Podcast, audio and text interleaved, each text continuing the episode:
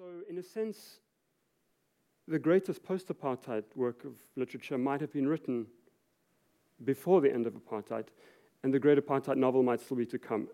Because I think that literature and one of its powers is, is, is not a punctual form, it is not timely. So, whenever one tries to periodize literature, I think there's a sort of awkwardness in academic work uh, with the idea that, that it obeys the timescales and the markers of public discourse. So I want, to I, I want to scramble up these temporalities in the way that he's always done in his work. The other thing that I also have a problem with when people try to periodize literature is that it always seems to imply that one reads things in the right order and in a chron- chronology, i.e., that everyone is reading post apartheid literature in the post apartheid moment. But of course, I think we all know that we read erratically and out of time and out of order, and we put together our archives um, in the most random ways, like bricoleurs, really. And the beginning of his book starts with, with a moment that I think about a lot. He's talking about being a young boy in the 1960s. And if any of you uh, were here last night, he, he spoke very richly about his childhood on the East Rand.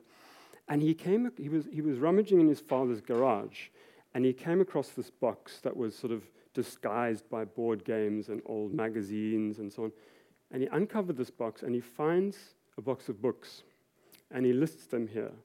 Um, I'm not sure how many of them will be familiar to you, but for a South African, uh, this is a sort of archive of classic non fictional works. Um, autobiographies by Ezekiel Mphahlele, um, memoirs, Tell Freedom by Peter Abrahams, um, Noni Jabavu, The Ochre People, often regarded as the first autobiography by a black woman, Kwame Nkrumah's Ghana, the autobiography of Kwame Nkrumah, where a life be also becomes the story of liber- the liberation of a country and so on. And, you know, these were banned books. These, these were books that were banned by the apartheid regime and which showed that, you know, during those years, what carried the liberation struggle often was literature, specifically works of memoir and autobiography that conveyed what was going on in the country uh, to, to the world. And he said that this moment um, began a reading and writing journey that has not ended. Um, and I think this, this idea of the individual um, strange itinerary by which we read literature and understand the place where we come from is something that I really take from his work. He spoke last night about how what apartheid did to its victims was to smother subjectivity and that even in oppositional politics in South Africa, what one saw was a sort of unwillingness to admit the strangeness of subjectivity and of ordinary life because it had to be sublimated to the collective, to the struggle. And he's always, you know, meditated on that with great power, arguing that the ordinary is not a flight from the political, but that the political has to take full cognizance of the ordinary in understanding how people make sense of their world. And if it can't do that, it's not fit for purpose. It's often been very misunderstood, his essay, I think, in South Africa. People have said, oh, we must just pay attention to ordinary life and not politics. But that's absolutely not what he was saying. Um, a, fi- uh, a, second of three caveats. Um, this is a map I often show to first year undergraduates when I lecture them. I'm actually lecturing 500 of them on Monday morning, so I'm feeling a bit stressed about that. It's the start of our academic year.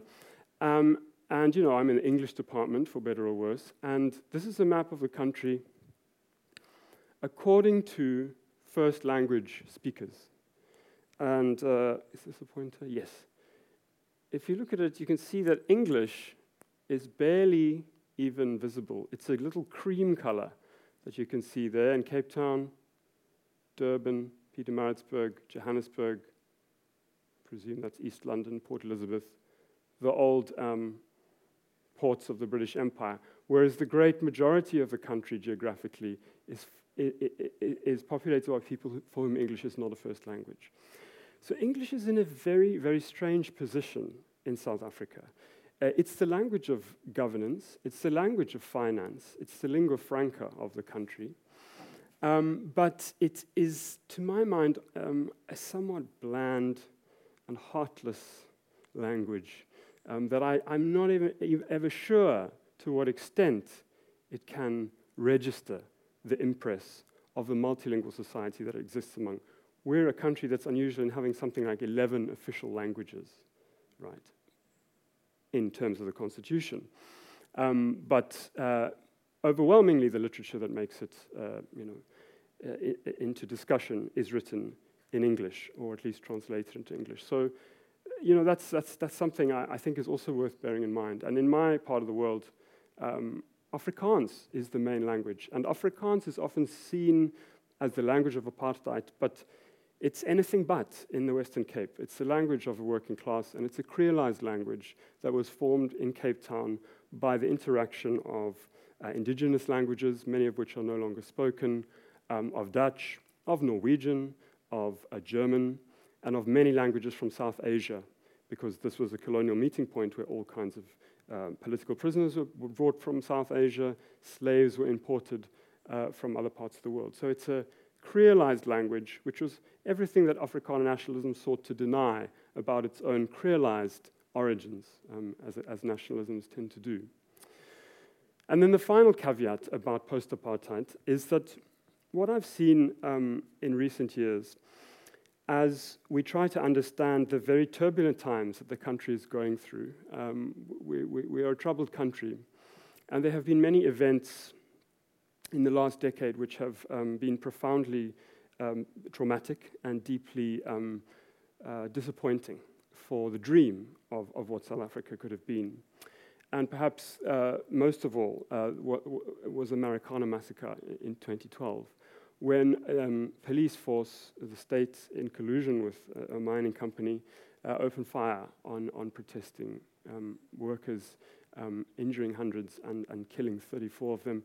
It was the biggest use of lethal force since the infamous Sharpeville massacre in 1960, when um, people who were protesting against having to carry passbooks uh, were, were gunned down often as they ran away uh, in, in, in the town of Sharpeville near Johannesburg.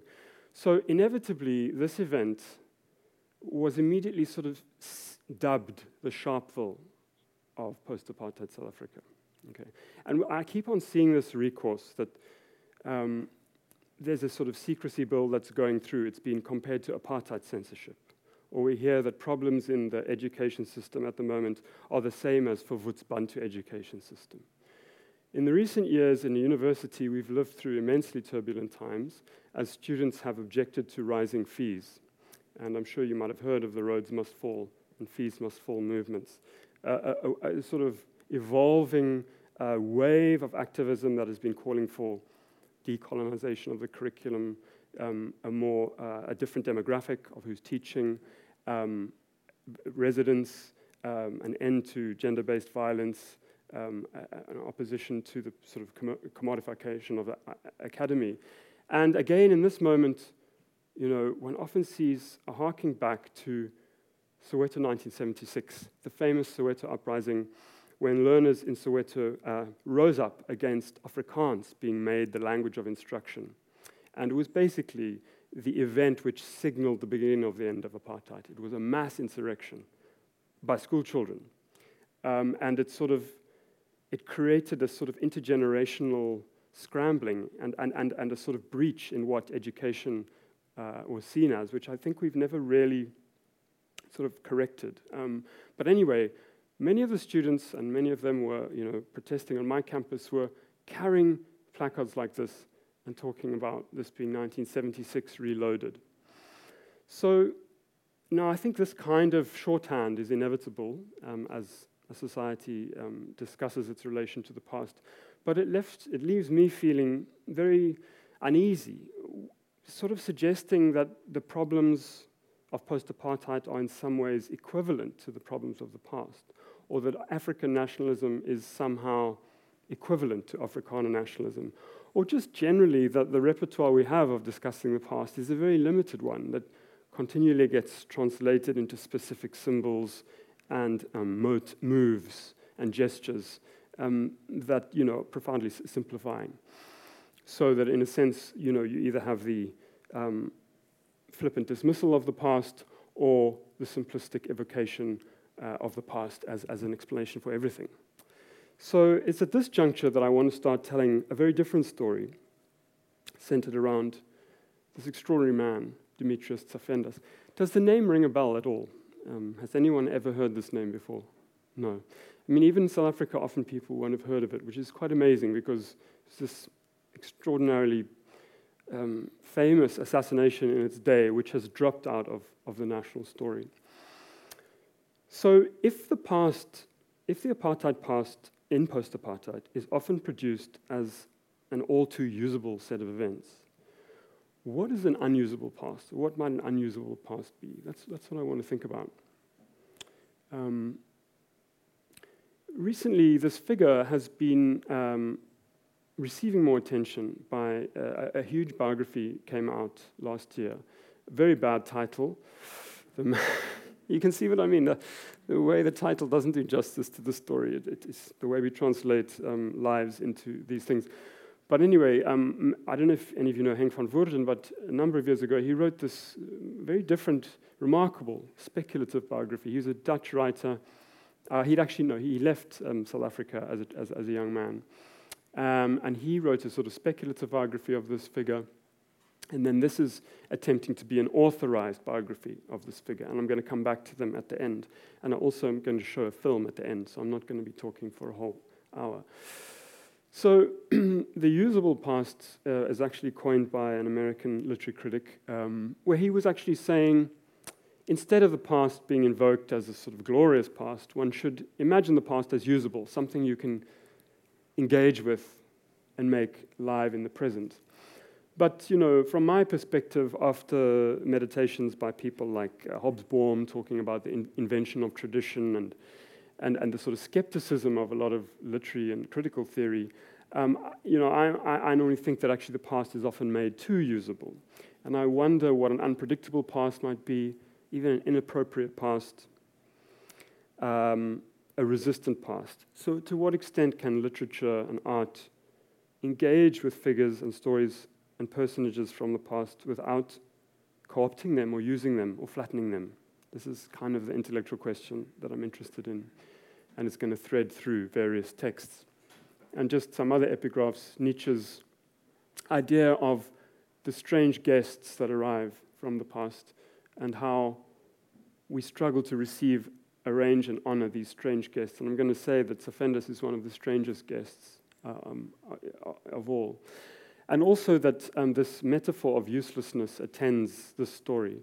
Um, the apartheid judge who tried him after the assassination, so apartheid was very, um, it fetishized legality and due process, even as it was ideologically unjust, you know, which is a, a, a reflex one sees a lot. So there was a lot of emphasis on due process and trials and, but the, the, the judge said that he was a niks beduidende skepsel, a meaningless creature, and he'd led a useless life. And he was deemed insane and without political motive. Okay. So this, this metaphor of, of the useless uh, sort of recurs. Now,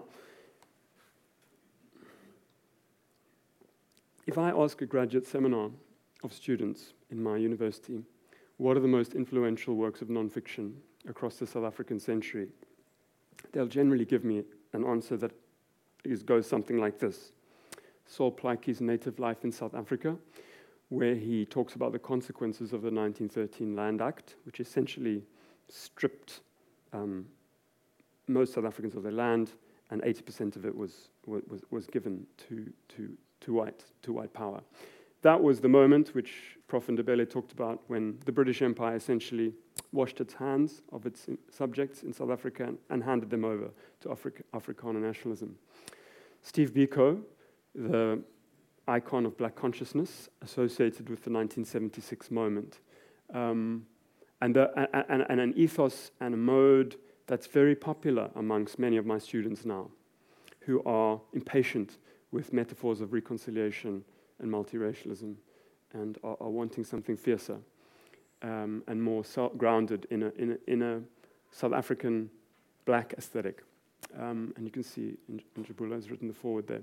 And then, of course, Long Walk to Freedom, Nelson Mandela's autobiography, ghost written autobiography, which, like the, uh, as with the case of many, um, you know, uh, anti-colonial or um, liberation heroes, a life is made into a parable. A life is made into, it's not just his life, it's the life of a new nation coming into being. It's the life of the ANC.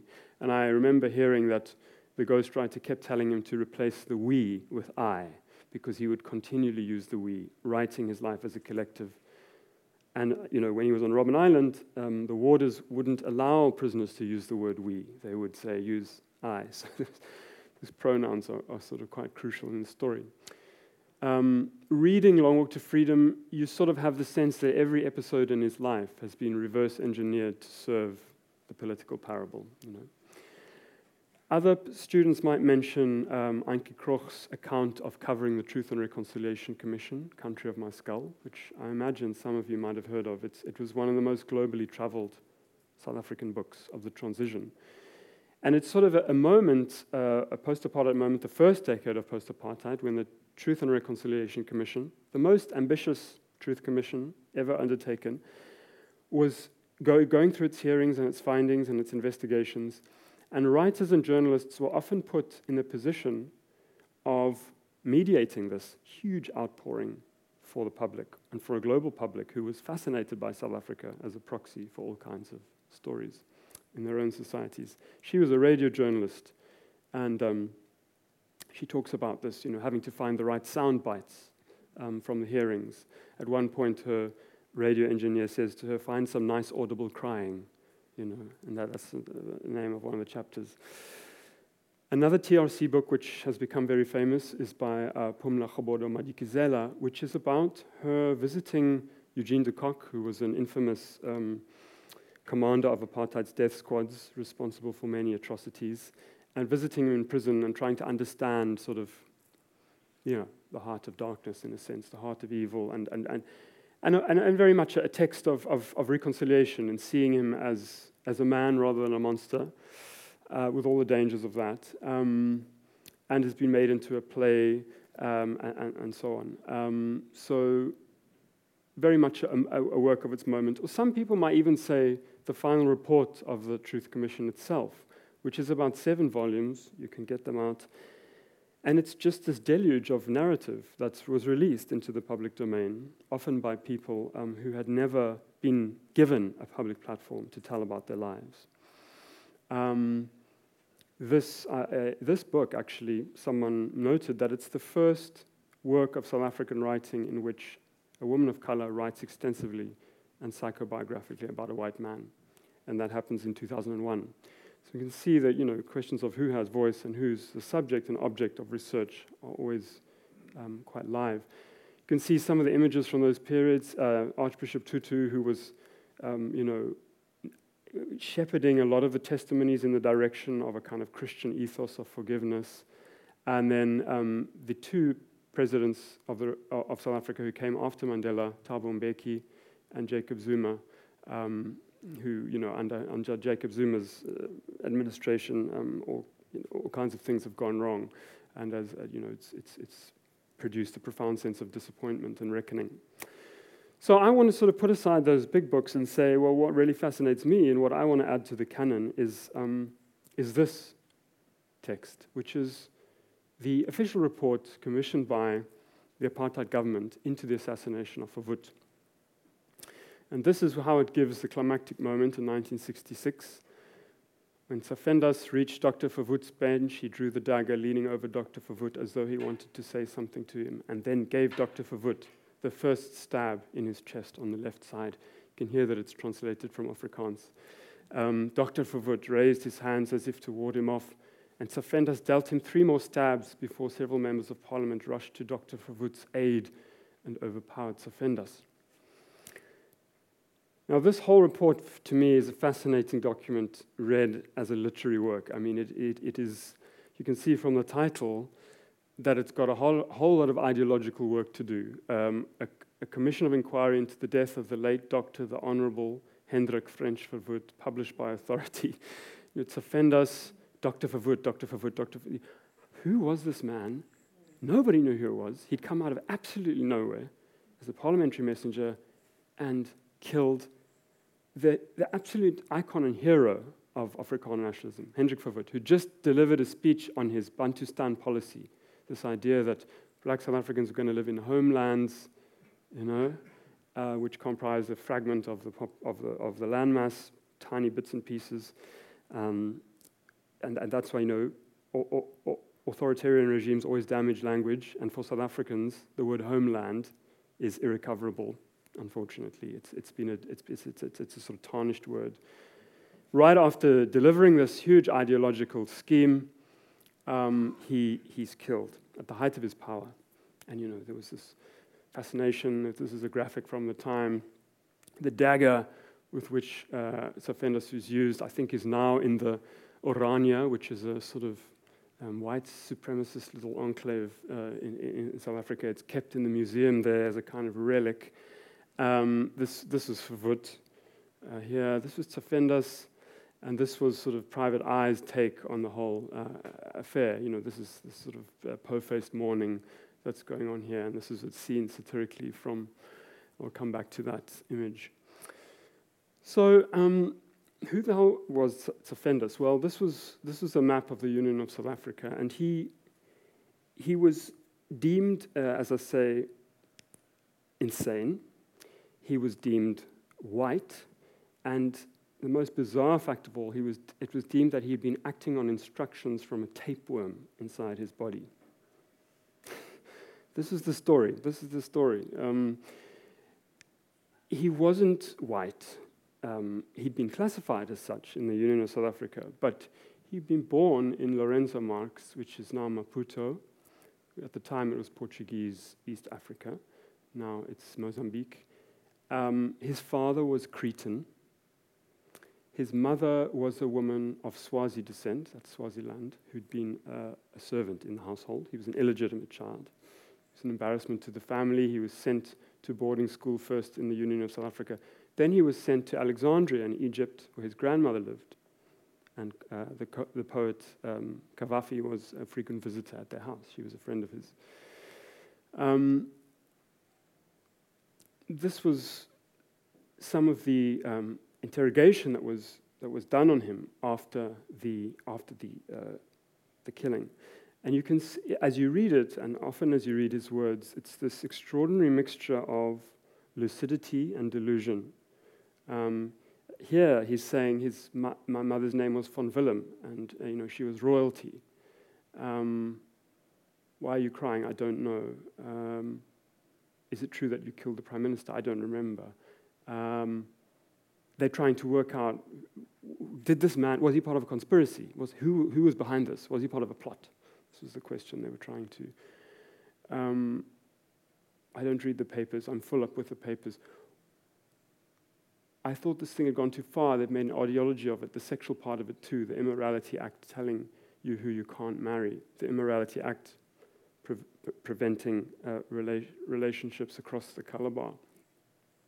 So he's giving this mixture of political motivations and strange delusions, uh, which sort of constitutes the challenge of the story.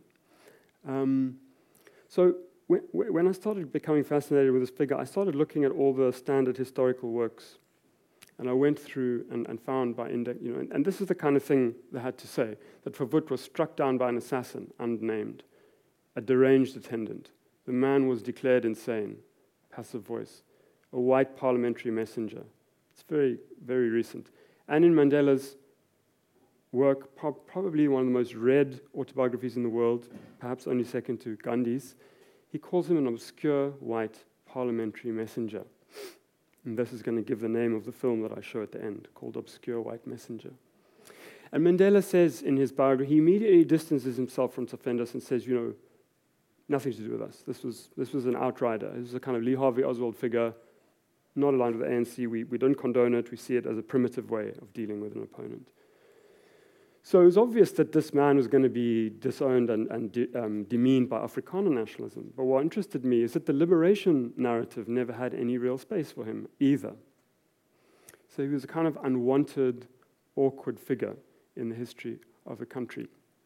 But what I also found is that his story has actually been weaving its way through so many different literary and artistic works. So that even as he's absent from official history, he has compelled and obsessed a wide range of writers, opening up the question of what it means to read history through creative works when you have no.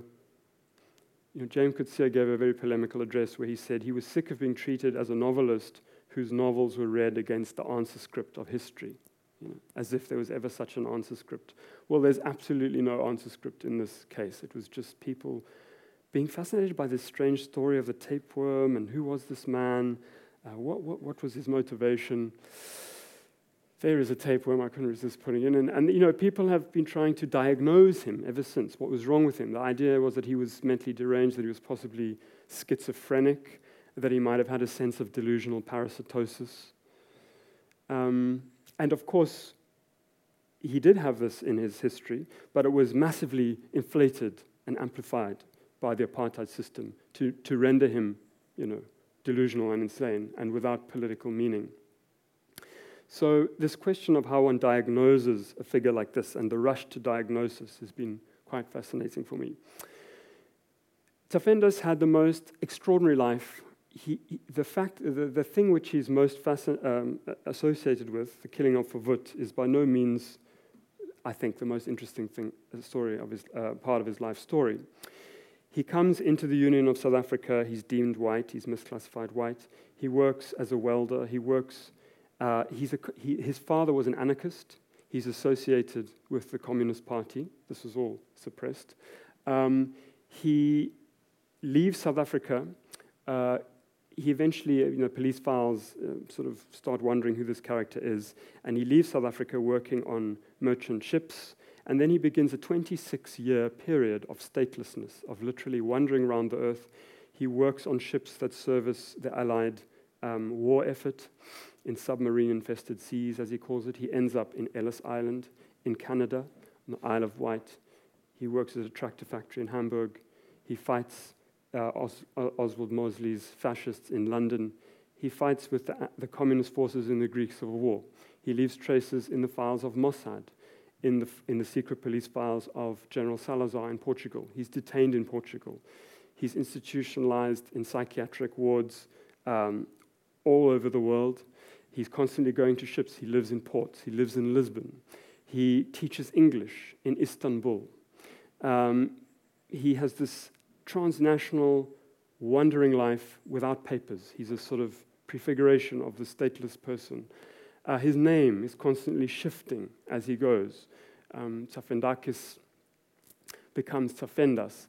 Um, and he, he, he's put on a stop list. He's not allowed back in the Union of South Africa, but he eventually gets in because someone mishears his name and thinks he's saying Stafendas, and they don't check it against the T. He slips through the apartheid bureaucracy. He makes his way back to Cape Town. He now applies for a job as a parliamentary messenger in Cape Town. Now, this job, through Verwoerdian legislation, has been classified for whites only. But because it's regarded as quite a menial job, no one really applies um, from the white community. So Tsafendas manages to get this job without any real background checks. And the messenger who's hauled before the commission says, well, he was actually one of the most promising um, applicants. He spoke six languages. Uh, he, was, he, he, traveled around the world with a su- suitcase carrying posters of Patrice Lumumba, the South African Freedom Charter, works by Frantz Fanon, Ralph Ellison's Invisible Man. He was called the Lending Library by people who knew him. He, was, he, he loved Dostoevsky, he loved Brecht, he loved Tagore.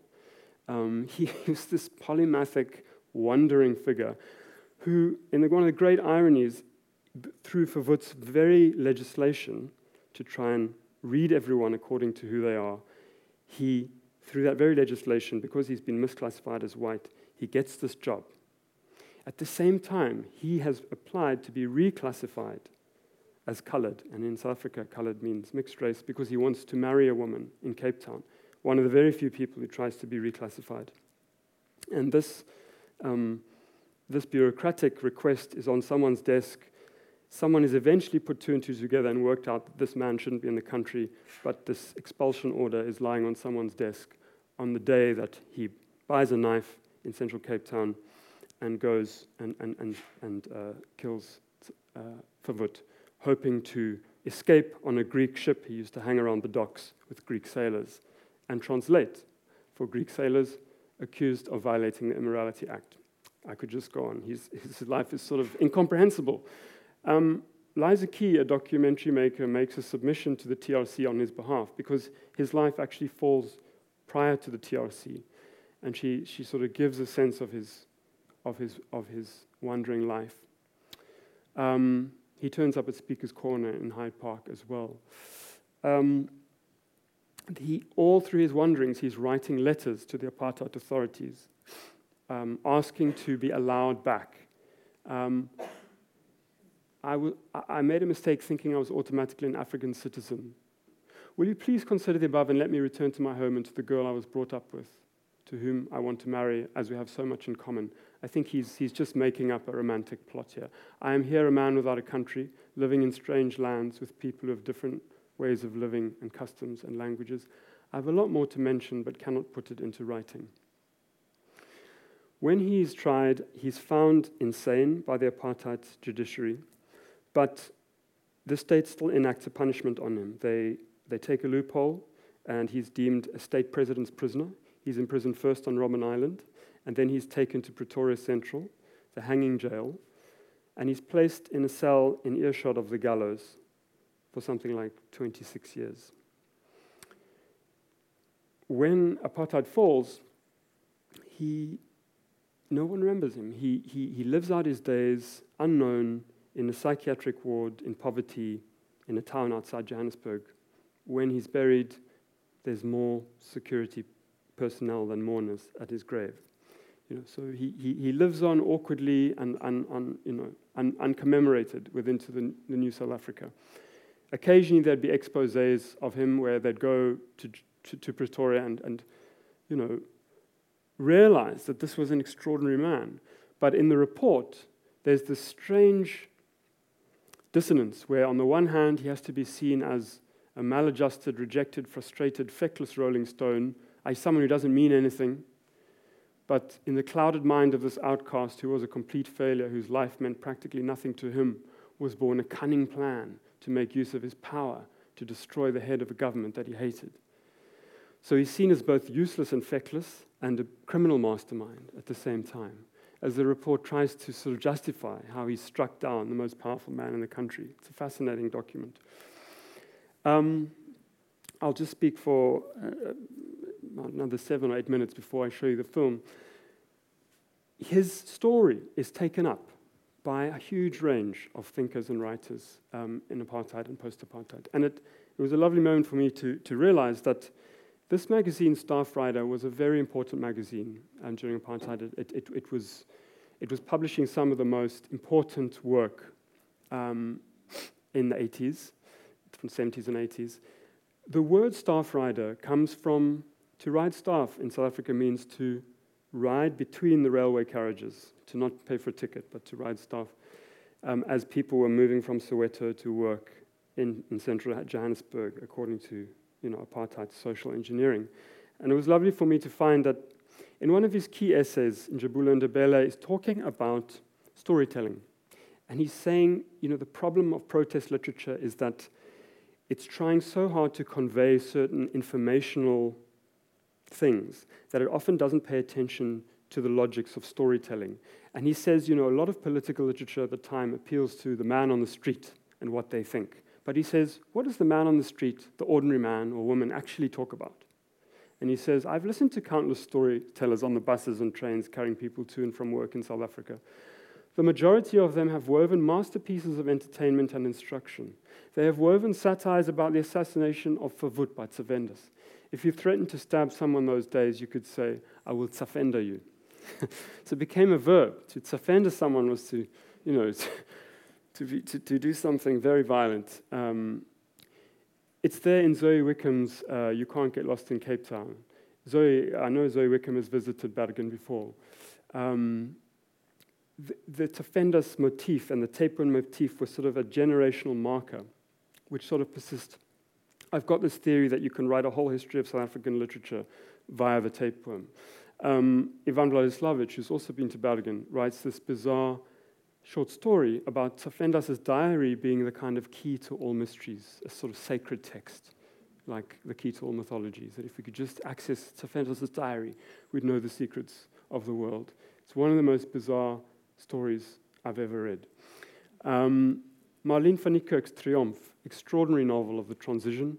Triumph was the suburb built by Afrikaner nationalism on the site of Sophiatown, vibrant place of um, 1950s literature, um, jazz, um, a nascent black middle class, extraordinary writers who were all banned, exiled, and on the leveled ruins they built a suburb of Triumph. Triumph.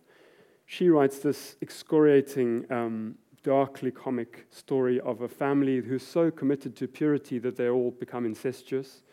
And uh, one of them, the most bizarre of them, has this mural in his den uh, where Tsafendas has become a kind of messiah. Um, and then the, the story, the question of madness and what madness is in a country like South Africa, where so much psychological damage um, has been done, is one that, that recurs in some of the major texts that, of post apartheid. And, and, you know, for, for my students, young students now, a, a key text is The Quiet Violence of Dreams by K. Sello Duiker, who was this great hope for post apartheid writing in the first decade. Um, but even as he was being lauded, the novels he was writing were very, very troubling and, and often haunted by the specter of mental illness. This is about a, a man who's uh, actually in a ward uh, for, for, for psychosis. Um, but it's become a touchstone text for, for, for many of the younger generation um, and 13 Cents is about rough sleepers and street children, a sort of shadow side to Cape Town, uh, the, the, the, tourist Cape Town. Um, an extraordinary books. Uh, Phaswane Mpe's Welcome to Our Hillbrow is set in Johannesburg, and a recent alum of, of our university, Masande Ntshanga, also writing um, these strange dream-like stories of uh, psychic disturbance and what you know where the madness where does the madness lie? Is it, is it, is it interior or is it exterior? Um, and, and, and, engaging with, as I'm sure many of you have encountered as teachers, a sort of epidemic of, of mental struggle and illness and anxiety that, that I see in my students, at least. Um, so, coming to the end, you know, in recent years, Tsafendas has been revisited and, and, and rehabilitated. But here, too, I think one sees one of the problematics of the kind of post colonial impulse to recover a lost history is that it also affects a kind of diagnosis and a, tra- a co option of his story into a new kind of agenda. So when John Matshikiza, columnist and writer, you know, when he writes an obituary for Tsafendas, he, he starts by a- admitting that actually black South Africans didn't know what to think when Verwoerd fell. There was this sort of moment of uncertainty. But then eventually, sort of diagnosing him and, and saying, well, he killed, his act of murder was based on the same principles as the Congress Alliance's Freedom Charter. Uh, apartheid was a crime against life. And even as I'm sympathetic with this kind of approach, I wonder if it's too simple a story for such a complex life. And just you know, ending with these two texts, um, Van Woerden's is a very subtle meditation on this life, but even he can't sort of resist sometimes this rhetorical flourish where he says the power of madness had shown itself equal to the madness of power. Um, and, and, a line that's often quoted by the student radicals um, at my university you cannot carry out fundamental change without a certain amount of madness. Um, this book, um, so you know, this, this is really crystallized with, with the, this text, which is a kind of extraordinary um, effort of research and biography. He's, uh, he has researched Tsafendas's life absolutely painstakingly. But even as he's done so, um, he, has, he has seemed to operate under this idea that for Tsafendas to be politically meaningful in South African history, which he undoubtedly was, he has to be 100% sane. So this whole book is it's a remarkable work of biography, but it's, to me, it's, it's compromised by the fact that he, he's having to, against so much evidence to the contrary, um, show that Tsafendas was 100% sane and therefore political. So, you know, so what does one do when confronted with a story like this? I want to argue that one of the most interesting responses is a, film by Penny Siopis, which I'm about to show. And she said she got the idea for this when she was reading press reports of Tsafendas after the assassination. Uh, she went into the archive. And because they weren't allowed to take pictures of where he'd lived, or you know, images are very carefully controlled by the state, there were these um, lists of you know, his, his, his, his bedsit where he'd been living. Um, you know, kind of heartbreaking texts uh, on the floor, like clothing, shoes, more cutlery, um, a hammer, a file, a pair of soiled socks. The ordinary, you know, um, this ordinary life, extraordinary life at, at the same time. Um, at the bottom of the wardrobe lay a welder's mask and a straw hat in the drawers, more rubbish. And she said, You know, this report captivated me, its detail, its sadness, and how words worked when an image was not possible. And this fueled her filmic reimagining of this moment in Obscure White Messenger. So she takes Mandela's line and sort of breathes new meaning into it, where her, her, her method is to go through, find um, old footage, um, uh, what's it called? Seven, seven. Uh, there's a specific name for the kind of old, the, the film that people used to f- shoot on old little cameras like that, that they'd, you know, holiday, holiday flicks and so on. She would find this anonymous home movies and mix them with sound. Um, and for the narrative, she draws on the question and answer format reflected in the psychiatrist's interview with offenders. And so you'll recognize some of the texts because we've already seen them in some of the documentation, as well as news and medical reports, legal documents. Um, so thank you for listening to me. I'm now going to show you this, um, this, this piece to end. It's about 10 minutes long. Um, We're now heading for a quite intimate uh, seminar, so I hope uh, everyone who has questions about South African culture and, and literature and nonfiction and representation and voice and whatever will just come forward with your questions. We have about half an hour for, for that. But I, was, um, I don't know if this is really a question, but maybe we can have a conversation and you'll just. Mm-hmm. uh, I was just thinking about the, um, the, the some of the uh, the writing you've shown us and some of the examples of the nonfiction, the Biko, for instance. Uh, part of uh, Nelson Mandela Long Walk to Freedom, for instance, the film, how it is so much South African writing and fiction, fiction and non-fiction, dealing with uh, the form of some kind of the trial mm. or the hearing, the Q and A, um, mm. and it seems to be a kind of um, energy in the yeah, well, especially post-apartheid, post 1994 uh, writing, which is trying to sort of probe into the stories which are already in the archives. Mm. They're there, you can see them, there are questions, answers, things are being told, but, but then again, what is told and mm. how yeah. is it told? Yeah, thanks, Tonya. I think you're absolutely right. The, the, the, uh, the trial, the hearing, the commission. I mean, we saw a commission from the 60s there. Mm. We have the Truth and Reconciliation Commission. We have the Farlam Commission after the Marikana massacre.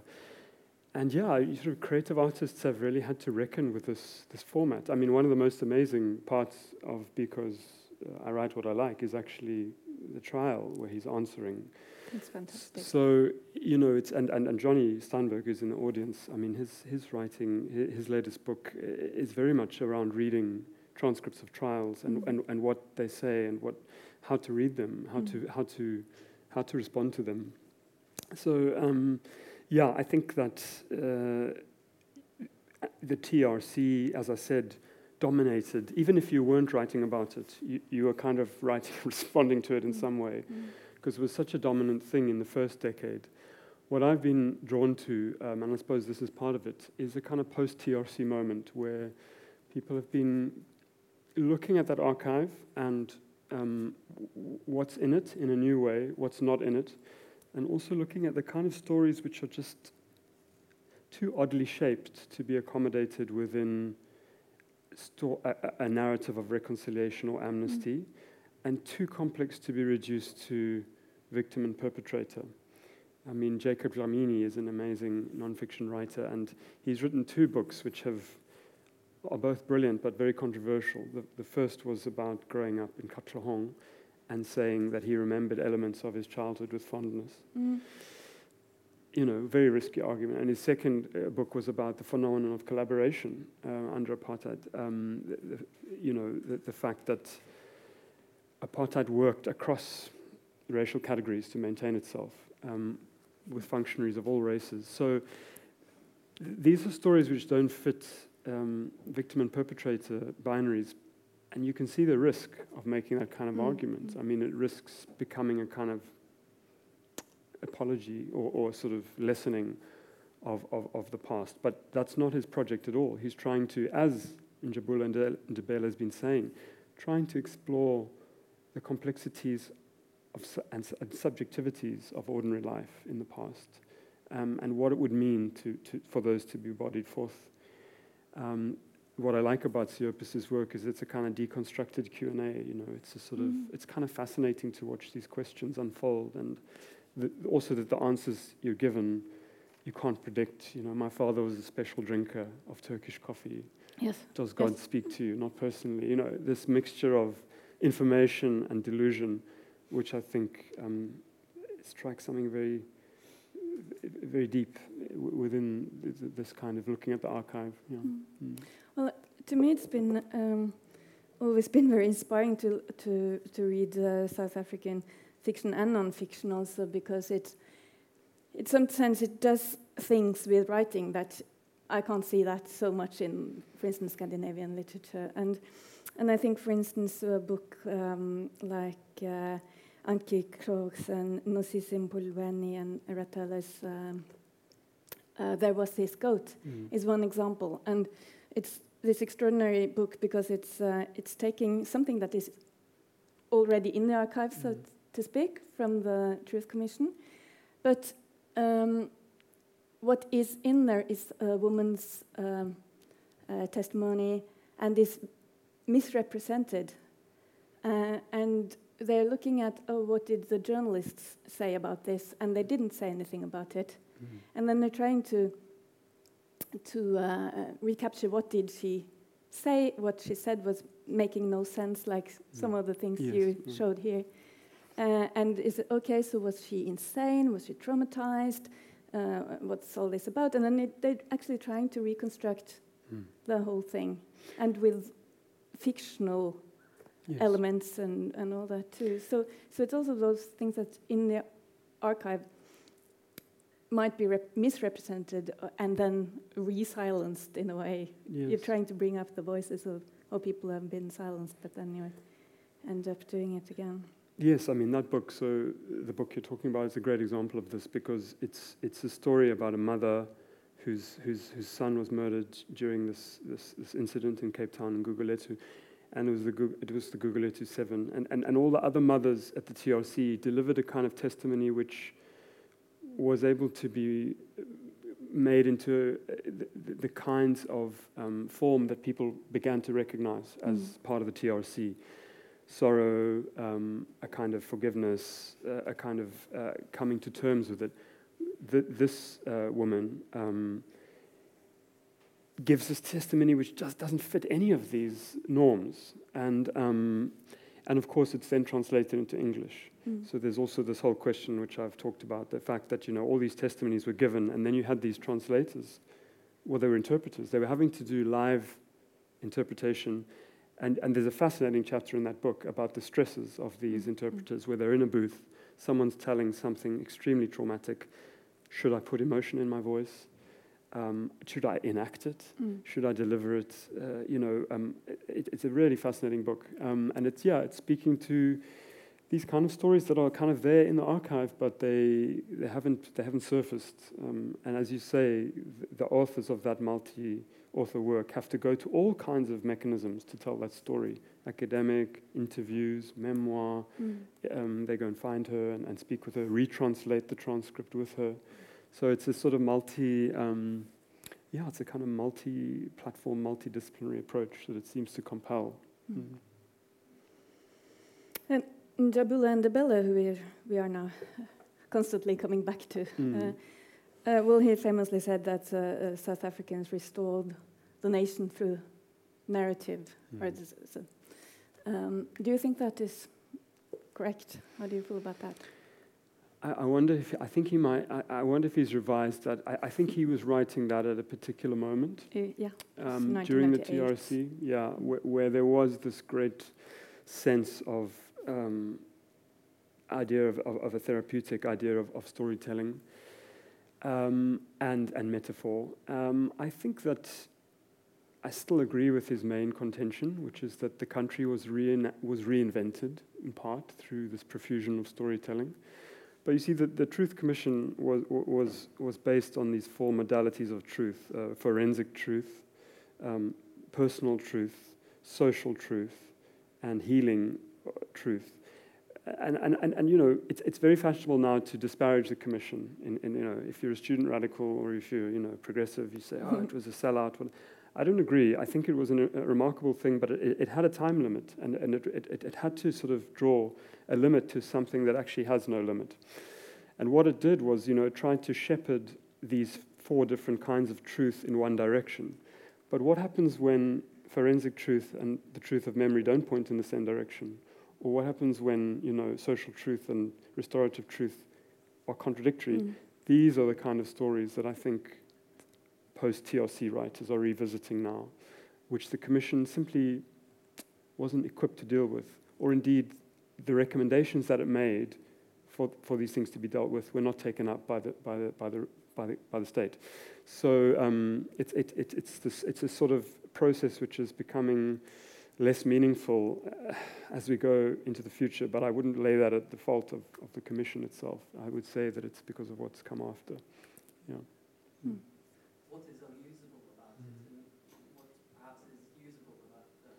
Yes. Yeah. No, you're right. It's a bit of a sleight of hand because, of course, any narrative or literary or artistic engagement of the past is going to use it in some ways. Um, but there's degrees, I think. And um, yeah, it's a sort of cluster of words that I had. So I, a friend of mine is a historian, who works with the inappropriate past, which I kind of, you know, appropriation, but inappropriate. Um, the the unpredictable past, um, the, the fact, you know, Kafka said the more you look at a word, the more distantly it looks back. and I think that, you know, the more you know about history, the less you can say about it in a strange way. Um, the more you know about the past, the less you can say for certain about it, maybe. So the unusability, I, I suppose what, I, what, what I'm meaning in, in, in, the, in the argument I'm making is that it's, it's, it's a kind of engagement with the past that can't be reduced to a, sing, to a single recognizable, easily recognizable political gesture, especially party political gesture. So, um, you know, that, that, that, that uh, uh, as we know, things are just so quickly translated into the already known or to the already existing. And um, I, I'm interested in, in the extent to which a literary work or an artistic work can try to delay that process. It can't delay it indefinitely, of course. But Siopis' work for me was, was quite salutary because there's a previous documentary which he makes uh, reference to called The Question of Madness. Now, in this, that documentary is a very orthodox documentary. It's talking heads, blah, blah, blah. It goes and finds Tsafendas in the psychiatric ward where he's now an old man. He's wearing a striped dressing gown. He's wearing a cowboy hat. He's very hard of hearing.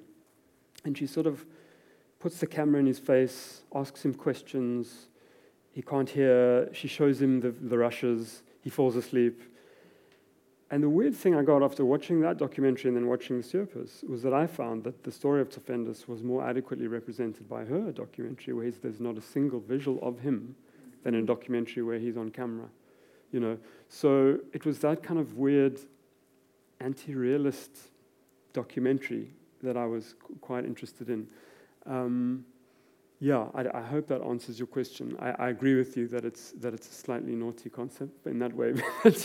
you're always using something, but um, is there a way in which uh, the use of it is, is not the sort of instrumentalizing of it, the conscription of it, the, the, the, the, the, the reading it into a kind of national allegory where you've already know the story and you just use it as evidence, versus a kind of microhistory where you take an individual life and you use it as a lens to look at a past that you can never fully describe and you can never fully understand. Yeah. Har jeg lyd? Ja. ja. Lidt for meget lyd. Um, thank you for a very interesting lecture. Um, I was, of course, fascinated about this person that I haven't heard of before. He seemed like he was invented by William S. Burroughs in a way, uh, with this tapeworm and all this. Mm-hmm. And I got to think about um, actually uh, the interzone uh, Burroughs is writing about in uh, Naked Lunch, uh, which is a colonial kind of tragedy. It was uh, Tangier at a certain time with four colonizing uh, rulers mm. And making a mess of it in a way, so making this a space with no rules. Mm. Yeah. and um, so, um, so also in Burroughs' work, uh, uh, you know, the, the, the limits of the, of the outside and the inside, of the political and the personal is, is uh, very intertwined. Mm. Um, yeah. Thank you. Yeah, I, I um, I, I, also think of it in mind of uh, Don DeLillo's Libra, which is his sort of weird cut-up experiment with JFK. But the idea of, I mean, for me, the, the idea of a parasite is very interesting. Because who's the parasite really in an unjust society? You know, it's an accusation that's thrown out often. And uh, there's a moment in um, J.M. Coetzee's book, The Life and Times of Michael K. I'm not sure if you've read it, but you know that's the story of a man who doesn't speak. He just he's he's envisioned as this kind of stone through history. He's a sort of he's like that Zbigniew Herbert uh, poem, The Pebble, where you know I, the pebble is complete and I feel um, a remorse when I hold it in my hand and permeate it with false warmth. You know, this, this metaphor of this inscrutable character who doesn't join any of the guerrillas, he, and he doesn't speak. And then he, he starts thinking about parasites. He's, he's deemed a parasite because he won't work. And then, then he says, you know, well, he's thinking of the town and then the sort of labor dormitory on the outskirts and, and starts thinking, well, who's, you know, who's the parasite really within this landscape? It's not even pinned down as, as apartheid South Africa, but yeah, I mean, the, the, strange thing is this, this tapeworm metaphor, it's kind of, uh, wherever you look, you find it. I mean, someone told me that it's um, in the heavy metal album um, by System of a Down. My tapeworm tells me what to do. It's there in Irvine Welsh's book, um, Filth. There's a tapeworm giving instructions. It's kind of like a, a thing, you know. Um, of course, uh, you know, and it's a thing that the apartheid government seized on to try to paint offenders as mad. His own relationship to this tapeworm seemed to be much more ironic. He would sort of tease when he stayed with the family. He would make the children laugh by saying, "Oh, when I see a cake, my my tapeworm starts, um, you know, making noises." He he was in a strange way. He was always sort of aware of of his own you know, delusions. And uh, he, he seems to have often used it as a ruse to be able to sleep in hospitals when he had nowhere else to go. So it's a sort of Hamlet kind of thing of feigning madness. But it, so I don't know, just the, the sort of metaphorics of it, just they just, they, they, you know, they extrapolate in every direction. But you can also say that apartheid is a is a very um, it's kind of a mentally mentally ill society. So, yes. and it, this uh, segregation is very uh, in the lines of a schizophrenic state, and it kind of calls upon these. So it's like a cultural object. He's personifying something abject, mm. and you could say even really because he seemed really ill and really smart at the same time, mm. and uh, um, certain people who are like um, has, a, has a, special kind of sensitivity would uh, you can even like um, pick up on the on the on undercurrents of society and kind of personalize. You know, uh, mentally ill uh, people would come out in situations like 911, and uh, I was also thinking about um, the the terrorism that happened in Norway in uh, 2011. There was a huge change also in. No, uh, this is this is a different thing I was thinking about, um, but um, there's a change in values. It's a it's a traumatic situation. You could say apartheid was a long-lasting trauma, and uh, these events, uh, like the terror in 2011, uh, was uh, changing language. I was a critic at this time, and in the month after, you could say the public sphere of Norway was in a state of mental illness. And uh, the critics would read books like this was a prediction of the thing that happened. Right, and right, yeah. Um, so these um, kind of um, traumas really hit deep into our ways of reading things. Mm. It's just a comment. No, thank you. Um, I agree. Mm. Well, I think um, about this um, your your main character here. Mm. It's also in in literary terms. I find him fascinating also because it's sort of also someone mm, one might know from South African literature from uh, from those kind of tricksters, mm. from the drum narratives, mm. or, or even from Zakes Mda's ways of dying, or there's some kind of this um, um, narrative investment in these characters. Also, like you made so many intertextual references yeah. in the works, but it's also yeah. in, in the in the context. So yeah, that's I, I I hadn't thought of that, but I totally yeah. There's this, and I think it's it's about this idea that you know Verwoerdian apartheid, because Verwoerd was the real ideologue of apartheid. After his death, he was the he was the person who really believed he could give an ideological justification for it. Following his death, there was such a profound shaking of that that it was I think it was all damage control mm. after that, you know, and cynicism because people actually knew it was unsustainable. But the Verwoerdian vision was that everyone could be legible, could be read, and put in their mm. social position. And so, you know, as you say, yeah, there's these figures all through the literature of kind of tricksters, Michael K's offenders, yeah, uh, um, the ways of dying. What's his name? Um, yeah, his, uh, the, the character Toloki, the professional mourner, mm. who are switching between uh, identities, which is actually what ordinary life entailed for most South Africans, is mm. the, the need to, you know, switch from a, a certain identity in, in where you lived to a different identity where you worked in a kind of way that was, was, was, was deeply psychologically troubling and, and, and, and uh, you know, almost schizoid in some ways. And you know, students still say this kind of thing, that going to what, a university, uh, what was once a historically white university, entails this you know, strange kind of um, shape shifting. Um, so yeah, the psychic damage is, uh, you know, that's what I was trying to say. That the, the, timeliness that that sort of labels like post 1994 impose on us don't capture this long-lasting shadow of the psychic damage that will take generations to to leave, if ever ever does, because in the city where I live, for example, the spatial legacy is still so strong. It's we still live within those infrastructures. So, um, you know, characters who are kind of able to, to, ex- to, to move between this balkanized society, mm. uh, they do recur um, uh, uh, throughout those literature in these interesting mm. ways. And they give the lie to um, any kind of identity politics, which whatever we might want to call it, which, I, which, which, which sort of identifies you or fixes you in a way that makes you easily legible. Mm. So it's you know a desire not to be easily read. Yeah.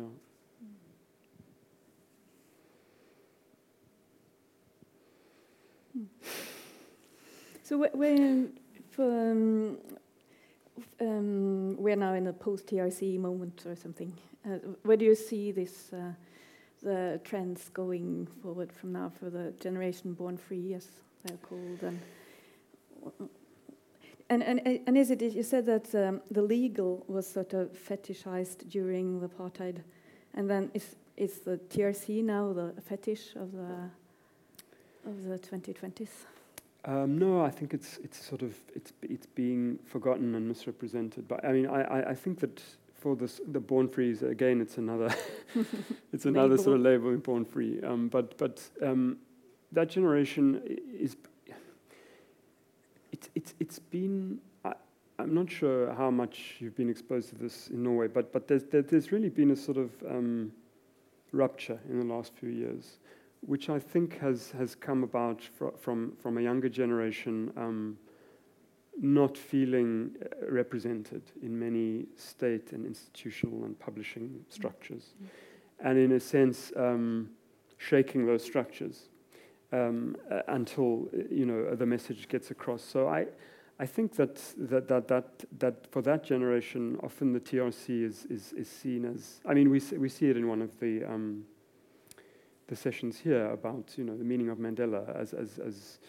shifting from a kind of icon um, and fetish for, for of reconciliation to a sellout. You know that's the mm. counter argument mm. um, or an elite pact.